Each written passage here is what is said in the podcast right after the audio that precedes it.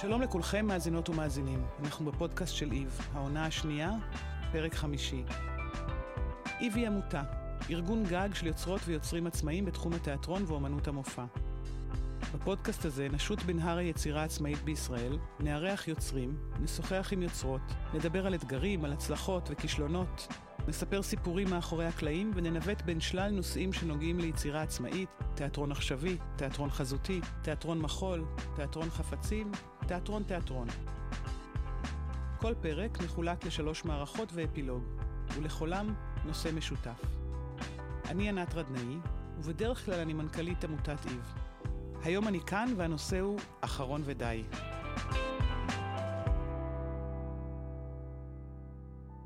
מערכה ראשונה, הסוד הוא בתנועה. גל סאבו משוחחת עם גלית ליס וטלמה דים. בקיץ 2018 הופעתי עם הצגה שלי בפסטיבל אדינבורו בסקוטלנד. קצת אחרי שקניתי את כרטיסי הטיסה, גיליתי שהיוצר האהוב עליי, אכרם קאן, מופיע בפסטיבל. בשנייה שהתאפשר, קניתי כרטיסים למופע שלו בשבילי ולכל מי שהיה איתי, לשחקנים ולצוות הטכני. בסוף ההופעה החלטתי כמו גרופי אמיתית שאני חייבת לפגוש אותו. אחרי כמה בירורים גילו לנו איפה היציאת אמנים ועמדנו וחיכינו שם כמעט שעתיים. כשהוא יצא הוא ניגש אלינו והוא היה כל כך מקסים ודיבר איתנו בפתיחות ושאל שאלות. באיזשהו שלב בשיחה הוא זרק באגביות, זה המופע האחרון שלי. אחרי זעזוע עמוק מהמשפט הזה ניסיתי להבין יותר. שאלתי אותו והוא אמר, זהו, אני מוריד את הגוף שלי מהבמה. לא הצלחתי להבין איך הוא יודע שזהו. מה בגוף גרם לו להרגיש שדי? איך אפשר בכלל להגיד את זה בכזה ביטחון? השאלה הזאת מאוד מעסיקה אותי. האם יהיה זמן שאני אגיד שדי? אבל אולי בכל פעם שמישהו עוזב את הבמה, מישהו חדש עולה עליה. אני גל סאבו, ואיתי פה באולפן הכיאוגרפית גלית ליס, שעובדת עם נשים מבוגרות, וטל מדהים, רקדנית בעבודותיה של גלית. גלית החליטה לעלות רקדניות על הבמה דווקא הרבה אחרי שאחרים כבר אמרו די. אז היי טלמה והי גלית. טלמה, אולי תתחילי את לספר לנו, מתי בפעם הראשונה החלטת שאת עולה על במה? הייתי מורה לפסנתר, 40 שנה. אחרי שבעלי נפטר, נחשפתי לאימפרוביזציה במשחק, ועליתי על הבמה פעם ראשונה בתיאטרון בימתיים, כשהייתי בת 70. פגשתי את גלית, פגשתי אותו די במקרה. אני לא זוכרת בכלל מה דיברנו, אני יודעת שיצאתי מהפגישה והבנתי שזה מה שאני רוצה לעשות. בתור מורה לפסנתר לא הייתי פסנתרנית, אבל היה לי חלום חוזר שאני רוצה לנגן בפני אנשים ומשהו לא מסתדר. ואז לא הבנתי שמה שאני רוצה זה באמת לעלות על הבמה. כשעליתי, הבנתי את החלום. וגלית, איך בכלל הכל התחיל מבחינתך? איך uh, התחיל אצלי הכל? זה התחיל מסיפור מאוד אישי שלי. אני התחלתי ליצור בגיל מבוגר יחסית, לקראת גיל ה-40 שלי, וזה באמת הגיע אחרי uh, סיפור משפחתי, שאח שלי הצעיר נפטר ממחלת הסרטן, שהתמודד איתה כמעט שמונה שנים. וזה היה באמת מעורר השראה ללוות אותו לאורך כל השנים האלה. וככה לקראת הסוף, אני זוכרת שיצאנו לטיול, הייתי צריכה כבר לתמוך בו, כי לא היה לו שיווי משקל. והצעדנו ככה אנגז'ה, מה שנקרא. והוא אמר לי משפט שממש שינה לי את כל תפיסת העולם על החיים, וגם הביא אותי לעשות את מה שאני עושה היום.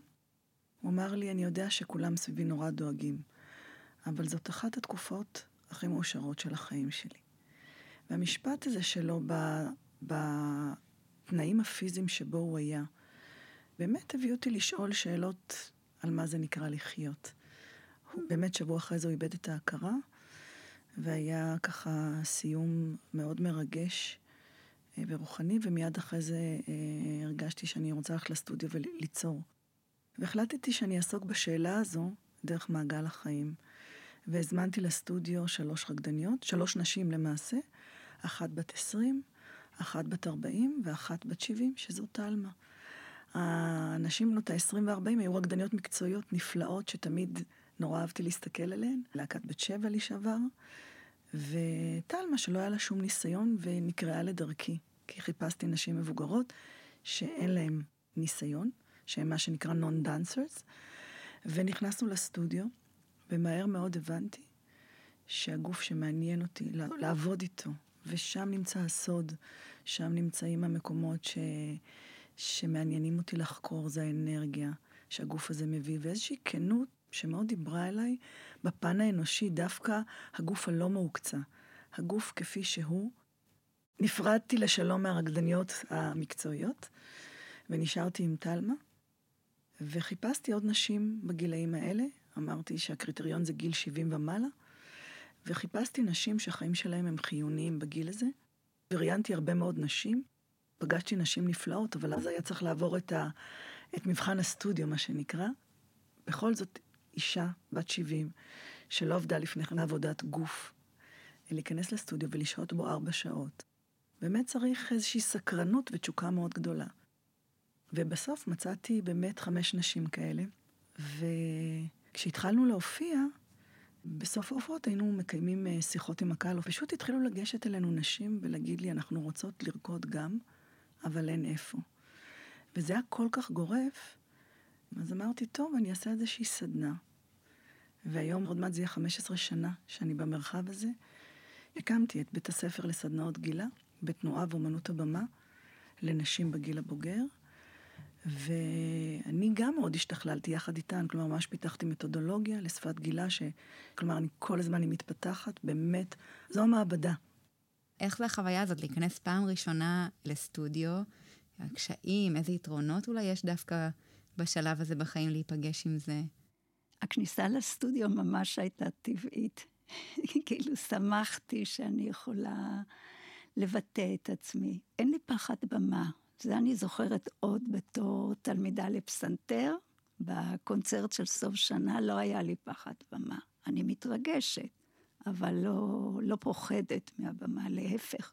אני גם אוהבת את המחיאות כפיים שבאות אחר כך, ואת uh, הערכה מהצופים.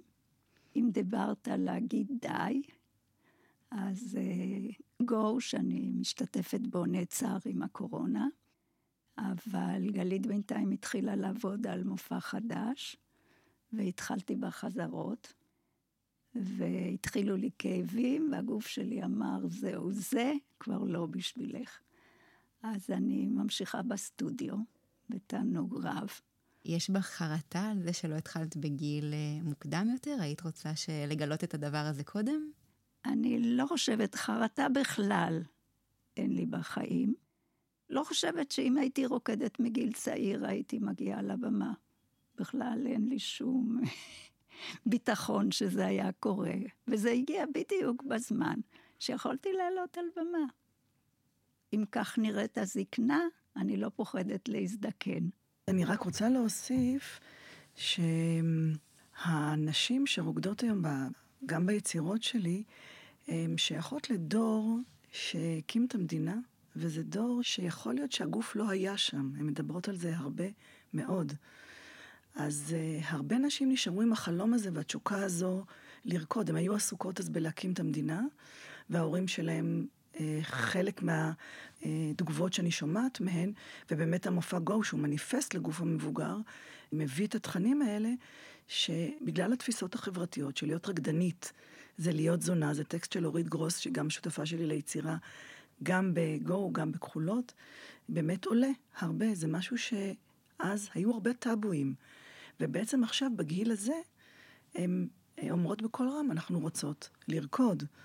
מצאתי שלגוף הזה יש אסתטיקה פיזיולוגית שיש לה היבטים אישיים, חברתיים ופוליטיים, שכיוצרת מעניין אותי לעסוק בהם. העבודה שאני עושה היום, אם היא הייתה נרקדת על ידי רקדנים מקצועיים, היא הייתה נראית אחרת. כן, אני חושבת שזה באמת תלוי גם איך אנחנו מרגישות את עצמנו. ברגע שאני מרגישה את עצמי כמו שאני, עם הריקוד, שבאמת נתן לי המון, ממש שינה את החיים שלי. אז גם אנשים מתייחסים אליי ככה. יש מחקר אה, איכותני שמלווה על ידי מכללת רופין, על ידי דוקטור דניאלה אייזנברג, שזה כבר מחקר שעושים איתנו שלוש שנים, שחוקר בעצם את ה-well-being של הנשים המבוגרות ואיך ריקוד משפיע על, על הרווחה שלהן. ומה... אני תמיד אומרת שאני לא צריכה מחקרים, כי אני רואה את זה יום-יום בסטודיו, כל השנים האלה, אבל זה תמיד מאוד נעים לראות את, ה, את התוצאות ואת ה... שחור על גבי לבן. וזה ממש מוכיח את זה. כלומר, התנועה אה, נותנת להן הרבה... חיוניות. חיוניות, אה, בריאות, לומר אני כאן במלואי. כלומר, החיים לא נגמרים בגיל 70, 75, 80, 85. כמו שחושבים. אני רוצה להוסיף שבגו, קטע מאוד אה, אהוב עלינו, עליי בוודאי, זה הקטע שאנחנו מורידות את הסרבלים, נשארות בגופיות ורוקדות את מה שבא לנו. כאילו קטע שאנחנו משילות את הדמוי גבריות והופכות להיות לגמרי נשיות. ממש קטע הופכות להיות אתן. נכון. מתקלפות נכון, מהתפיסות. נכון. וגם רציתי להגיד שאנחנו הפכנו להיות קהילה, אנשים שרוקדות בסטודיו, ממש הפכנו להיות קהילה, ואנחנו הולכות יחד למופעים, ונהיה הדבר המשותף הזה של לרקוד בגיל מבוגר, ממש תענוג. מעניין אותי באמת לשאול ב, ביחס לזה, דווקא על מגבלות שאתן מרגישות, כי באמת זה, זה נשמע מדהים ואני, ואני ראיתי, זה, זה, זה ממש נפלא. אבל אני בטוחה, כמו שטלמת מספרת שבעצם החלטת לא להשתתף בכחולות, באיזה מגבלות אתן נתקלות? איך אתן מתמודדות איתן? תראי, לכל אחת יש הכאבים או הבעיות, ובריקוד אנחנו פשוט עוקפות אותם. כל אחת רוקדת עם מה שיש לה. אם יש איזשהו מקום שכואב, אז עוקפים אותו. עושים תנועה אחרת, וזה ממש לא, לא פוגם בשמחה של הריקוד. או בצורת ההבעה של הריקוד. אני יכולה בדיוק את אותה שאלה להפנות אלייך. בת כמה את היום? 32. 32. האם יש דברים שאת כבר לא יכולה לעשות? בטח. זה בדיוק העניין. וזה גם חלק מהמתודולוגיה שאיתה אני עובדת. כלומר, אם אי אפשר ככה, איך אפשר אחרת, ואיך אנחנו בעצם לוקחים מגבלה וממנפים אותה לצורך פיתוח שפה תנועתית במרחב של הסטודיו. כי כשאני יוצרת, או יוצרים, אנחנו מחפשים לשים לעצמנו כל מיני חוקים, ומשם מתפתחת השפה התנועתית. אז במקרה של הסטודיו, לפעמים יש אה, מגבלות שהן אובייקטיביות, הן פיזיות של הכאבים או הדברים שאנחנו מגיעים איתם, האובייקטיביים, ולפעמים יש מגבלות מלאכותיות שאנחנו מניחות כדי לפתח את השפה התנועתית. אני גם מאמינה שבאמת כל אחד ואחת יכולה, יכולים לרקוד. כמו שאכרם כאן אמר לי, אתן במופע גו התכתבתן עם אה, מופע אחר שגם של רקדנית שאומרת, זה המופע האחרון שלי. אז אה, גלית, אולי תספרי לנו עליו איזה מילה? המופע גו הגיע אחרי עשר שנים לעשייה שלי. ורציתי לעשות מניפסט לגוף המבוגר, כמובן שמתכתב עם מניפסט הלא של ליבון ריינר, ואחד מהרפרנסים שלנו לעבודה הזו היה העבודה של ז'רום בל על ורוניק דואנו.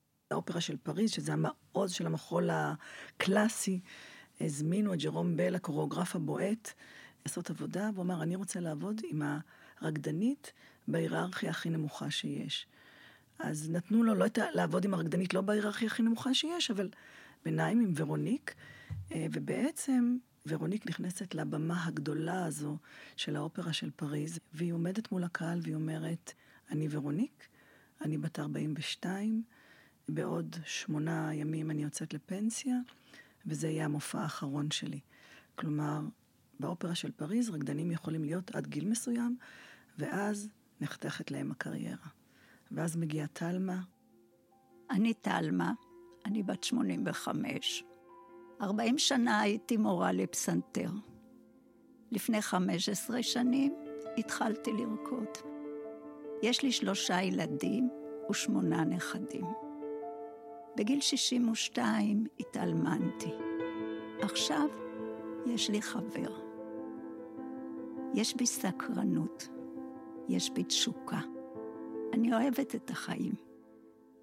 אני פוחדת מכאב, מאלימות, ממחלות. אני לא פוחדת מהמוות, ואני לא מוכנה שיאריכו את חיי בכל מחיר. אני לא רצה, אני לא קופצת, אני גם לא מתגלגלת על הבטן בלי ריפוד. כשאני רוקדת, אני אוהבת שהגוף מפתיע אותי. תודה רבה לשתיכן, איזה כיף. בשמחה גדולה, תודה לך.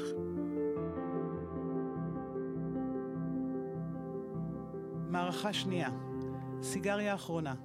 אביגיל רובין נפרדת, אבל לא בדיוק. המוות עצמו, בחלום, אני לא זוכר. אני זוכר שהבנתי שאני מת, כי לא ראיתי אותי יותר וגם לא שמעתי את עצמי. אבל הרגע עצמו שבו אני נהייתי מת, אותו אני לא זוכר בכלל. כשהבנתי שאני מת, נורא התאכזבתי. לא מעצם העובדה שזהו, שאני מת, אלא מזה שדווקא הרגע הזה, המסקרן כל כך, שבו אני עובר צד, הרגע הזה לא היה. אני זוכר שגם תוך כדי חלום חשבתי לעצמי שזה ממש פספוס. הרי כשמישהו אחר מת בחלום שלי, אני תמיד זוכר. אני לא רק זוכר, אני גם מתעורר בוכה, או שאני מלא בייסורי מצפון. ודווקא כשאני מת, בחלום שלי, הרגע הכי דרמטי נעלם. פשוט, קודם הייתי, ואז פתאום לא היה אותי יותר. הטקסט הזה נשמע בהקלטה בקולו של היוצר לקראת סוף ההצגה החדשה שלנו, סיגריה האחרונה. יצירה שיצרנו ברוחו של אבא שלי, הרולד רובין, שהיה צייר, מוזיקאי ואדריכל. הוא מהווה עבור הרבה אנשים סמל לחופש יצירה, להגשמת חלומות ולגישה בלתי אמצעית למעשה האומנות. עבורי ועבור יואב ברטל, שהוא בן זוג שלי בחיים וביצירה, הוא היה קודם כל אדם חמוד ומתוק. את העדינות, ההומור והיצירתיות שבו רצינו להביא אל הבמה. כשהטקסט המוקלט נשמע ברקע, ובעצם היוצר מתוודה למותו, אני נשארת לבד על הבמה. כל התחושות שנאספו במהלך המופע מתנקזות לרגע הזה, והכל מתערבב לי. הזיכרונות מהחיים, והמטען הרגשי שהצטבר במהלך ההצגה. זהו הרגע שאני מאוד לבד ומרגישה הכי ביחד. אני עומדת שם, לוקחת נשימה, ועוד אחת בשביל הקהל, שמוכן לשאת איתי את הרגע. נושמת וחושבת לעצמי שזה מוזר איך המוח עובד. כי בזמן הקטע אני נזכרת בשברי רגעים עם אבא שלי, והם מתערבבים עם רגעים מתוך ההצגה, שאני כרגע בתוכה, מבצעת אותה. ואני כל כך רוצה ששניהם ימשיכו לנצח. המוחשיות של אבא שלי והמוחשיות של, ה... של היצירה. הזיכרונות על אבא שלי מתחדדים לי תוך כדי תנועה ביצירה. כמו גם תוך כדי תנועה שקיימת בעצם העשייה לאורך הזמן. ככל שאני ממשיכה ליצור, אני מרגישה יותר קרובה אליו. אולי זה הקצב, ההספק, אולי אה, המוזיקליות או השפה העיצובית, ואולי זה בכלל העצמאות. אולי זו הסיבה שבגללה אני נמשכת ליצור, אך ורק באופן עצמאי. אני יכולה לקבוע לעצמי מה אני עושה וכמה אני עושה. שהרי בחיים שלו הייתה עשייה אינסופית. אבא שלי לא חיכה מעולם לאף אחד שיניע אותו לעשות, ולא חיפש אחרי אישור לקיים את היצירה שלו כמעט בכל תנאי. העשייה שלו הייתה כל כך אינסופית, כמעט סיזיפית, שכאשר הוא הפסיק ליצור, הוא דעך לתוך עצמו. העשייה היא הדבר שהגדיר אותו, שהשאיר אותו חי. אני חושבת לעצמי שאולי היצירה באמת אה, לא מפסיקה לעולם. אולי היא מחליפה רק ידיים? את ממשיכה ליצור עד שהבא או הבאה בתור תבוא ותמשיך אותך. ואז את לוקחת הפסקה קצרה ומסתכלת אחורנית, ורואה את כל העבודה והיצירה שעשית. ובמרחק הזמן הכל נראה כמעט חסר משמעות. ורק היצירה ותהליך היצירה הנוכחי מרגיש, מרגיש באמת קיים. ובא לך להיאחז עוד קצת בתחושת הרלוונטיות והטריות של התהליך הקיים. אבל גם התחושה הזו חמקמקה עכשיו. ואת נותרת לרגע בדממה, לבדך על הבמה, יודעת יותר מתמיד שכרגע יש אותך, אבל ממש עוד מעט אין. הסיגריה האחרונה פורטת על התחושה הזאת. היא בנויה על ידי מנגנון של זיכרונות מתוך יצירה שהולכת קדימה ואחורה. כמבצעת וכצופה, צריכה לאסוף את שברי הזיכרונות, את הקטעים, ולאחז בהם, ולתת להם לחלחל פנימה. היצירה של אבא שלי ממשיכה להדהד ברגע ההוא, כשאני לבד. סאונד מתוך שיר שכתב ואני מבצעת מוקיע מהרמקולים, ובאותו רגע אני חולפת בין זמנים ותמונות בראש. זה כמו נסיעת רכבת, שהנוף מתחלף במהירות ואני שם, תוהה ביני לבין עצמי, אם אני כל כך רוצה שהרגע הזה יימשך, אז איך זה שהגעתי לסוף כל כך מהר? ההצגה נגמרת והקהל מגיב בהתלהבות, ובא לך רק לחזור ולעשות הכל שוב, שלא תיגמר התחושה, הזיכרונות, העשייה. הרי זה כל כך שברירי, שבפף אחד, כמו שאבא שלי קרא לשאיפה מסיגריה, בפף אחד את בסוף, והקהל יוצא. הוא מתחיל רצף של פעולות מאוד סיזיפיות. שגם אותה אני זוכרת מאבא שלי, הפירוק. הוא היה לוקח שעות לפרק ולנקות את הקלרינט שלו. באמת, המון זמן שבשבילי היה נמשך נצח. לפעמים חשבתי שהוא בכוונה מעריך את פירוק הקלרינט. כנראה שגם הוא לא רצה שיגמר הכל כל כך מהר. כי בסוף זה נגמר. ואת מוצאת עצמך באיזה רחוב. אצלו זה היה לרוב באחד העם מחוץ לגדה השמאלית. אצלי זה כמעט תמיד שונצינו שמונה. וזה סתם רחוב, ועוד רגע תבוא היוצרת של מחר, ותתחיל מחדש מאיפה שאני הפסקתי. והיציאה שלי לא תהיה זוהרת, וגם לא הכניסה שלה. ואנחנו מתיישבים באוטו, ופאף. הכל נגמר.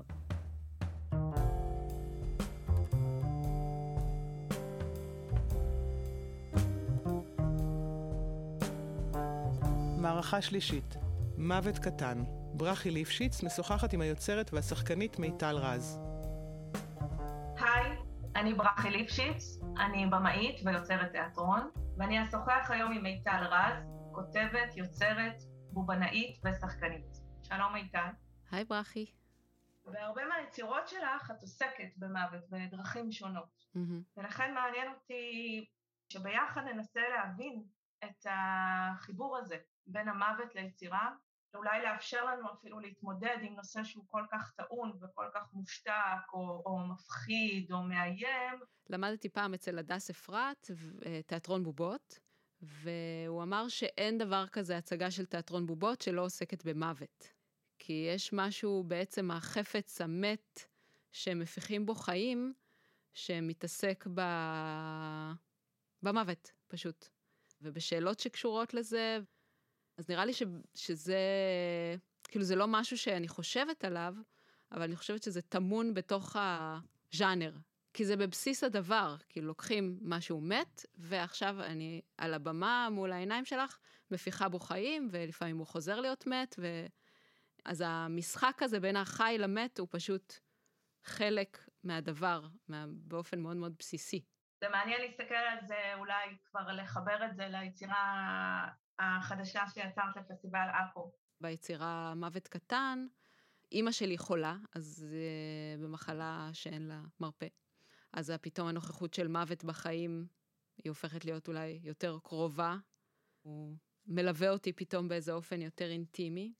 וגם uh, הילדה שלי, כאילו, שכתבתי את זה, היא הייתה בת ארבע, שזה מין גיל שפתאום מתחילים לקלוט את הקונספט הזה, שיש סוף. אה, אז היא התחילה לשאול המון המון שאלות על המוות, ממש ממש המון. זה היה כאילו שיחה יומיומית על מוות, שאלות כזה מאוד קשות לפעמים, שאת בעצמך לא יודעת ממש איך לענות עליהן. אז אני חושבת שכאילו הנוכחות של המוות בשני הקצוות שהכי מחוברים אליי, הכי משמעותיים שלי, שזה אימא שלי והבת שלי, זה כזה התנקז לתוכי באיזה אופן שהייתי חייבת להתעסק בזה, הייתי חייבת ללוש את הנושא הזה, הייתי חייבת לבטא את עצמי. אה, זה ממש היה מאוד מאוד נוכח בחיים שלי. זה היה לי מעניין כשצפיתי בעבודה, איך המוות עובר סובלימציה. כי הוא מוות קטן, אה, הוא מדבר בקול שהוא קול שמוכר לך, של אבא שלך, שזה יכול להעלות כל מיני שאלות, אבל עדיין זה קול מוכר. בעצם זה שאת אה, מדברת עם הבת שלך על המוות, אז יש גם איזשהו, ברור שיש דברים שלא אומרים אותם, או יש את החיפוש על איך אפשר לדבר בצורה שמותאמת לגיל שלה על מוות. וגם מי שמת באמת בתוך בתוך היצירה הזו. אל תעשי ספוילרים.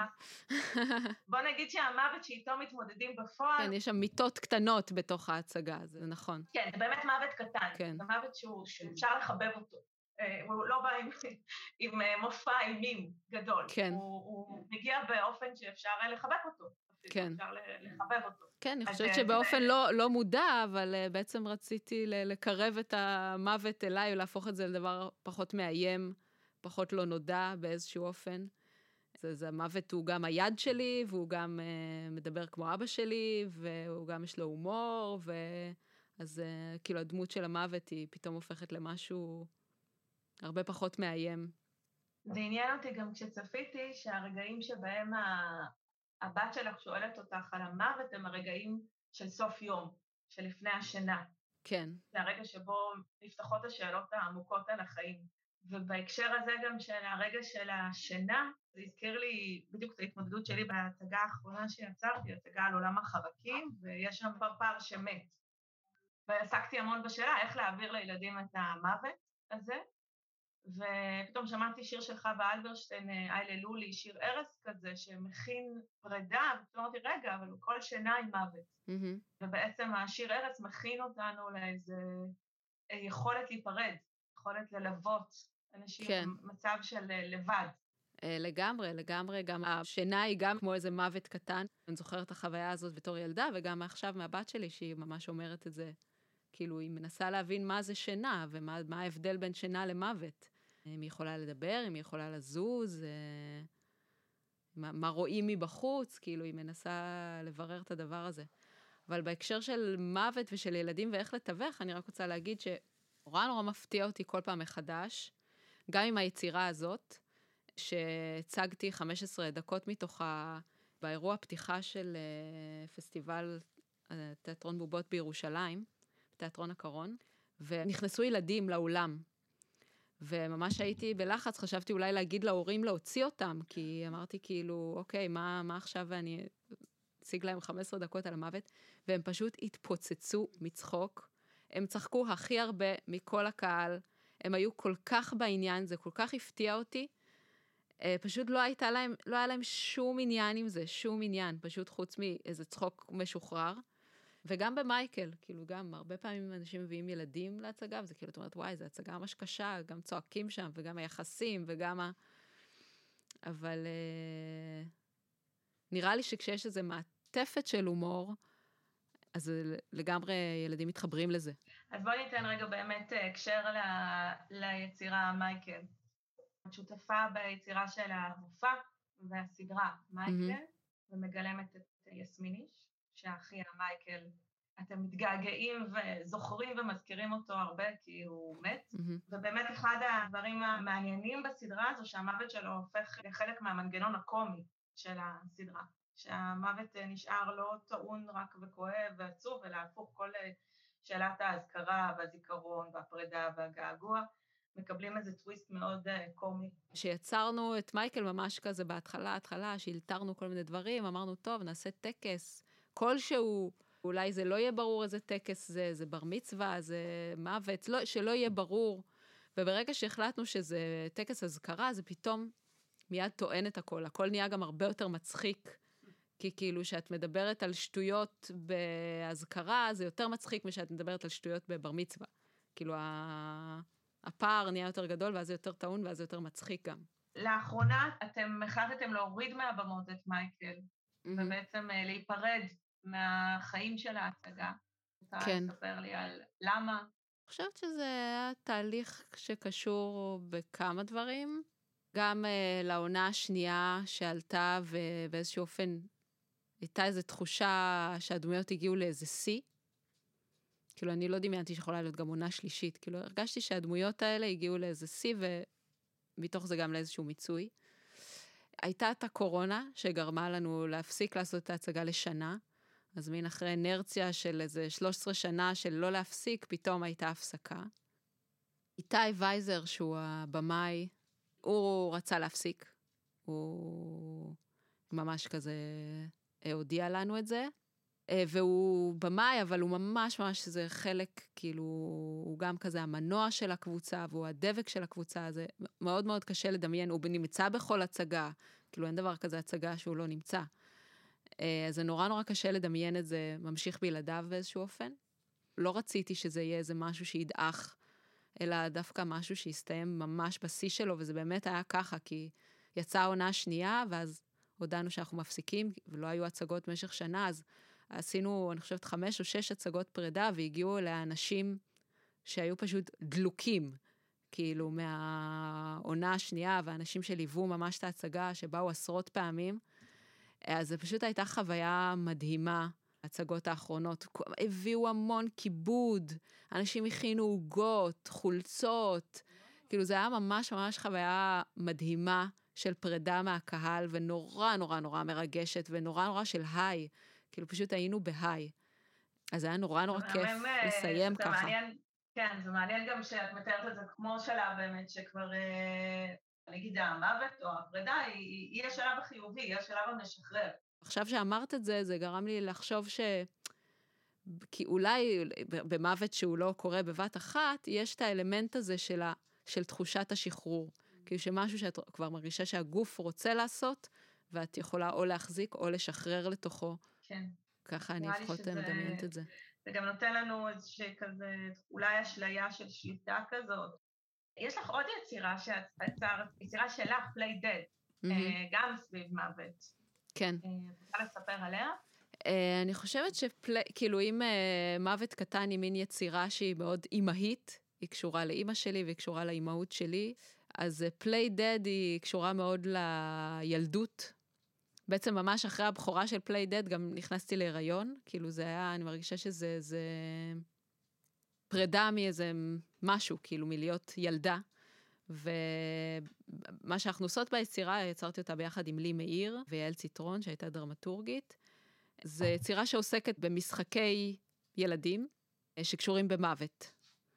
וממש הרגשתי שכאילו הייתי צריכה לסגור את הפינה הזאת לפני שאני הופכת לאימא. בעצמי. זה איכשהו מתחבר לי לחזרה של עוזה לבמה, אה, לפרפר נחמד, כי שם בעצם בדיוק הדבר הזה שפתחנו בו, של היכולת להחיות מתים נגיד, שעוזה שוכבת במגירה הזמן, ופתאום הנה מחדשים את הסדרה, ויש איזו החזרה לחיים של הדמות שלה, ואולי אה, בתוך זה גם שינויים שקורים לה, מעצם זה שאת מפעילה אותה עכשיו. זה משהו שבובות מאפשרות בעצם. כי הן כאילו יכולות לא להשתנות, ואז אפשר להחזיר אותן לחיים מתי שרוצים. לא יודעת, לי זה פשוט היה נורא נורא כיף לעשות את זה. אה, אפשרות של הדמות הזאת שהיא קצת אה, במיתולוגיה כאילו של מי שגדל בשנות ה-80. אולי זו חוויה קצת אחרת, כן, לא היוצרת של זה, אלא פשוט באתי לעשות את עוזה. אז כאילו לא, לא היה לי איזה משהו מאוד מאוד דרמטי כזה של המוות חזרה לחיים, אלא פשוט אוי, איזה כיף, אני יכולה לעשות את עוזה. טוב, אז נראה לי אנחנו מגיעים עכשיו לדדליין של השיחה שלנו, לסיום של השיחה. כן. אז תודה. תודה רבה. שלנו יחד לאיזשהו מבט על היצירות ועל מוות. כן, מותר אה, להזמין להצגה? ההצגה מצחיקה, דרך אגב, מאוד מוות קטן. תודה, מיטל. תודה רבה, ברכי.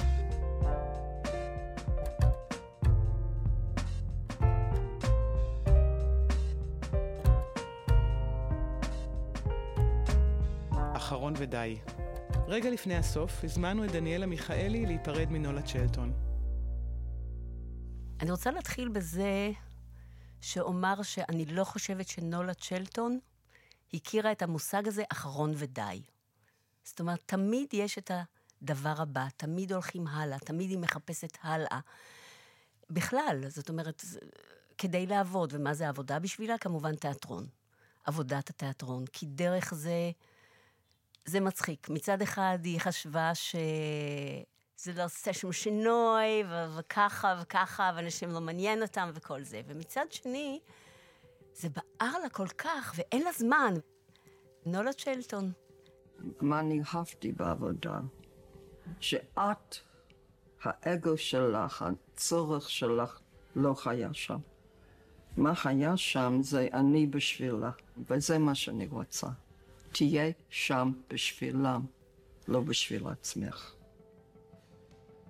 אני חושבת שאנשים שמגיעים לפודקאסט הזה אולי יודעים מי היא, ודיברו עליה רבות. במאית, מורה בעיקר, מורת דרך, הרבה יותר מאשר מורה לתיאטרון, והיא הגיעה כמעט למאה.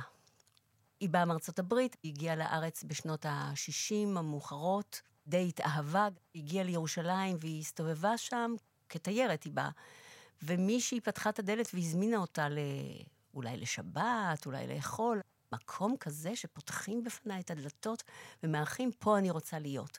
טוב, מהאידיאליזציה הזאת ומהרושם האידילי שהיה לה אה, פה ושם היא התאכזבה, וזה רק גרם לה להתעקש יותר ויותר על לתרום את חלקה, והיא תרמה את חלקה על ידי זה שבכל ההצגות שלה היא תמיד התייחסה לתפקיד שהיא לקחה על עצמה, והיא חשבה שכל אנשי התיאטרון צריכים לקחת על עצמם את התפקיד של אה, לתת את קולם, את קולנו, לאחר, לאלה שקולם לא נשמע, למוחלשים, למושתקים, לאלה שלא יודעים להרים את הקול.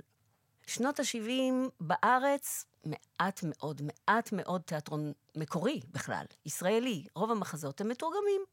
וכתיבה מקורית, ישראלית, גם נולה, שגייסה את יהושע סובול, ואחר כך את איציק ויינגרטן, וגם עודד קוטלר.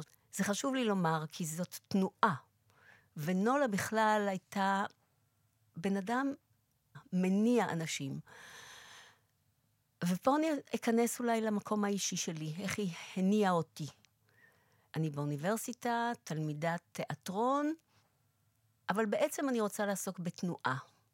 איציק ויינגרטן לומד בכיתה המקבילה אצל נולה ומביא אותי לפגוש אותה, ונולה, שהיו לה מין דברים בלתי אחראיים כאלה, אפשר לומר, שהיא מזהה אותך, רואה אותך, מחליפה איתך שתי מילים, והיא אומרת, עד תבואי לעשות לי תנועה, אני, רוצ, אני עושה נשות טרויה בתיאטרון חיפה. אוקיי, לא מכירה אותה, לא כלום. זה התגלגל מנשות טרויה, זה הפך להצגה קריזה. ההצגה קריזה עלתה ב-1976, וזה באמת, זו הייתה מהפכה. שירים מפורסמים מאוד משם, אצלנו בכפר תודרה, או ילדים זה שמחה, ילדים זה שמחה. זה נולד למען ההצגה הזאת, ושלמה בר היה על הבמה, עם עוד נגנים נפלאים, יוסי פיאמנטה ומשפחתו.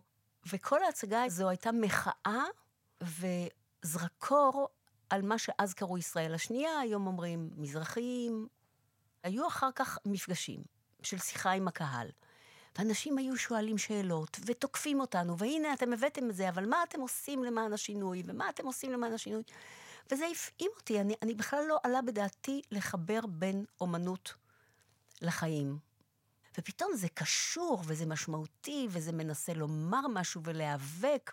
ונולה פתאום מציעה לי לעלות לקריית שמונה. היא עושה קבוצה קבוצת שחקנים, קבוצת הפרויקט של תיאטרון חיפה, וזה פרויקט אה, אחר מהפרויקט הראשון, שבו היו מוני ובר אבא וסנדרה שדה ועוד ועוד, כי עכשיו היא רוצה שאנחנו גם נקדיש לחברה. זאת הייתה שנה קשה ביותר, ואמרתי, אוקיי, אז אני אעלה עם הקבוצה, אבל אני לא רוצה לשחק, אני רק אהיה המורה לתנועה והקוריאוגרפית של ההצגות, וזהו. ונולה אמרה לי, לא, את גם תשחקי. גם אם תחליטי בסוף לא להיות שחקנית, את תדעי יותר טוב איך לעבוד עם שחקנים. וככה יצרה לי מקצוע. אני רוצה לקפוץ הרבה שנים קדימה. היא כבר הרבה אחרי שהיא עברה את התשעים, ואני באה לבקר אותה דווקא בגלל שרציתי אולי לעשות איזו הפסקה קטנה בתיאטרון, אולי בגלל שנולד לי נכד. אז היה לי זמן, אז באתי לבקר אותה, והיא נותנת לי לקרוא חומר, וזה מפגשים שלה וחומרים על הרב פרומן, שידעתי עליו מעט, אבל הרבה אנשים שמתעניינים איכשהו במקורות וכולי, אני יודעת שנהו אחריו, והוא היה משמעותי עבורם. בקיצור, אני קוראת לה את החומר פשוט, יושבים אצלה במרפסת בקיבוץ שדות ים, והתעכבתי, לא כל כך רציתי לעבוד, וחיכיתי, והרגשתי שהיא קצת אולי מאלצת אותי, ואני בכלל לא רוצה לשחק. והיא אמרה, טוב, טוב, בסדר, יש זמן, למרות שחשוב מאוד, מאוד חשוב, כן? כי המצב שלנו, המצב שלנו. אני קוראת לה את החומר הזה, ויש לי נטייה ככה מאוד להזדהות, אז אני מיד אולי אפילו קצת מייבבת, זה לא דווקא לטובתי, ונולה אומרת, את צריכה לעשות את זה. אני אומרת לה, נולה, מה פתאום? אני, אני בכלל לא רוצה לשחק, וזה גם כתוב לגבר. לא, דווקא את, אישה, חילונית, תל אביבית, כביכול בצד השני, או לא כביכול לגמרי של המפה, זה יעשה את החיבור, וזה מה שפרומן מחפש, וזה מה שנולה מחפשת כמובן, לעשות חיבור ולפתוח את הראש ואת האופקים. ככה התחלנו לעבוד על ההצגה הזאת, והיא עלתה, ובעצם מאז עשיתי איתה עוד שתי הצגות, די ברצף, כי כאמור אצל נולה אין אחרון ודי. אבל אני רוצה אה, לשים את הדגש על הדברים שהיא באמת ראתה, עד הרגע האחרון ראתה בך כשחקן, וזה התביעת עין, תביעת נפש, שאני לא מכירה אצל מישהו אחר. אני עושה קטע של הרב פרומן, ויש שם קטע שהוא אומר, כל החיים אני מתלבט, שואל את עצמי, נקרא אולי אפילו, הוא אמר, שואל את עצמי את השאלה, יש אלוהים, אין אלוהים, תולש את עלי הכותרת, יש, אין, יש, אין. לפעמים אני בטוח שיש, ולפעמים אני בטוח שאין. והיא עוצרת אותי והיא אומרת לי, את מבינה מה זה בשביל בן אדם דתי, שומר מצוות, להגיד שלפעמים הוא בטוח שאין אלוהים? זה המקום הזה של ההזדהות. תבין את הראש של הבן אדם, תיכנס לשם, תיכנס, ואז תיכנס למה שנקרא, למצב שלו, להלך הרוח שלו, להתכוונות שלו. כל פעם, בשנים האחרונות חשבתי שאולי זה האחרון. אבל היא מיד המשיכה לדבר על הדבר הבא, ואני רק מדברת על הדברים שאני מעורבת בהם. היו עוד, היא עשתה הצגה עם דלי קבוליניץ, היא עשתה הצגה עם צעירים שהיא עבדה איתם מעונת תרבות, היו עוד. אבל ממש ממש ממש לאחרונה, היא רצתה, היא אמרה, אני כבר לא אעשה את זה ואת זה, ואני כבר לא אעשה. אבל איתך עוד הייתי עושה, והיא כבר לא רואה כל כך טוב, והיא כבר לא שומעת כל כך טוב. והיא מבקשת ממני לקרוא, וזה עדיין קטע מהספר. וזה כתוב בגוף שלישי, ואני צריכה להפוך את זה לגוף ראשון, ואני גם צריכה שהיא תשמע. אז אני מדברת בקול רם, ומנסה להגיע אליה וכולי. ויש שם קטע שהאישה אומרת שהיא לא מפחדת בכלל. נולה מסתכלת עליי ואומרת, את מבינה כמה היא מפחדת כשהיא אומרת שהיא לא מפחדת? אוקיי, אז אני צריכה להפנים את המצב הזה ולעבוד עם זה. אז אני באופן טבעי קצת מנמיכה את קולי, כי אני מתכנסת לתוך המצב.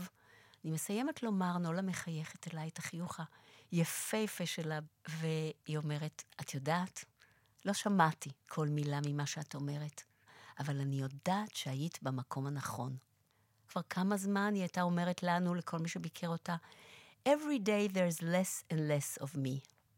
כל יום יש פחות ופחות ממני. האמת שהיא פחדה מהמוות. Uh, בואו לא נייפה את זה. היא, היא לא רצתה. זה לא היה לי טבעי, כי היא צריכה להתקדם. ועכשיו אני אספר משהו אינטימי, אני מקווה שזה בסדר, ממש ממש מהיום האחרון. חווה אורטמן ואני היינו שם עם שושלם, עוד תלמידה, וגם איציק ודליק הגיעו. באמת עטפנו אותה ביום האחרון, וכמה, פחות משעה אחרי שעזבנו, היא נפטרה, אבל uh, היו נוכחים שם, היו נוכחות הנכדות שלה, שזו ברכה גדולה. אני מחזיקה לה את היד, והיא כבר די מטושטשת, והיא אומרת לי פתאום, What do you want? ואני אומרת לה, נולה, אני לא רוצה כלום, אני, אני, אני פה, אני איתך, אני רוצה שתרגישי טוב, אני אוהבת אותך. ואז היא אומרת לי, What should I do? אמרתי לה, את לא צריכה לעשות כלום. את, את תנוחי, אנחנו איתך, את מרגישה נוח? are you comfortable? והיא עשתה לי בראש כן. אז זה היה מרגיע שהיא כבר הייתה, היא כבר לא נאבקה, היא עשתה כן בראש, אבל השאלה האחרונה בשבילי הייתה, what should I do? Because she was always a doer. אז אין אחרון ודי. ועכשיו באמת אחרון ודי. כשהאזנתי לפרק הזה, עלו בי מחשבות על עבר ועל עתיד. כשדניאלה מספרת על נולה, במידה רבה יש שם סימון של העבר. סימון של ימיה הראשונים של היצירה העצמאית בישראל. יצירה חברתית, פוליטית, חתרנית, יזמית. בימים הראשונים היא גם חובקה על ידי מנהלים מעוררי השראה בתיאטרון הרפרטוארי של אז. היום היצירה העצמאית היא עצמאית לחלוטין, מחוץ לרפרטוארי, היא שוליים שכל הזמן מסמנים את המרכז ומשפיעים עליו. נולה אומרת, Every day there's less and less of me.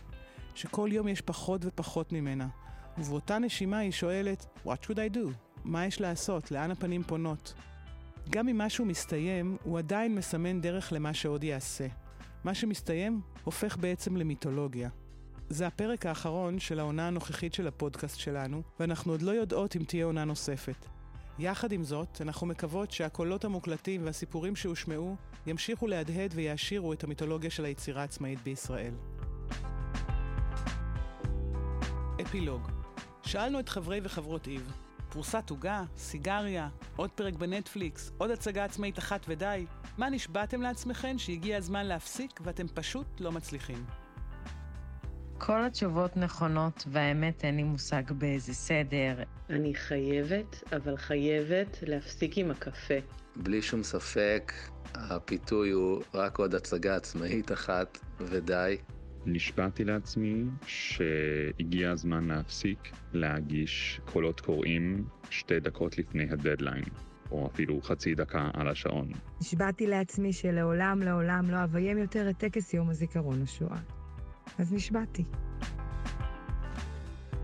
תודה רבה שהייתם איתנו בפרק האחרון לעונה זו של הפודקאסט של איב. תודה לדניאל שמר על עריכת הסאונד והמוזיקה המקורית, תודה לאורלי רביניאן ודניאל כהן לוי על הניהול האומנותי, ותודה לגל סאבו על ההפקה. זהו, אחרון ודי, אבל לא באמת. נתראה בעונה הבאה. בינתיים מוזמנות להאזין לפרקים הקודמים. זה לא עושה שום שינוי, וככה וככה, ואנשים לא מעניין אותם וכל זה.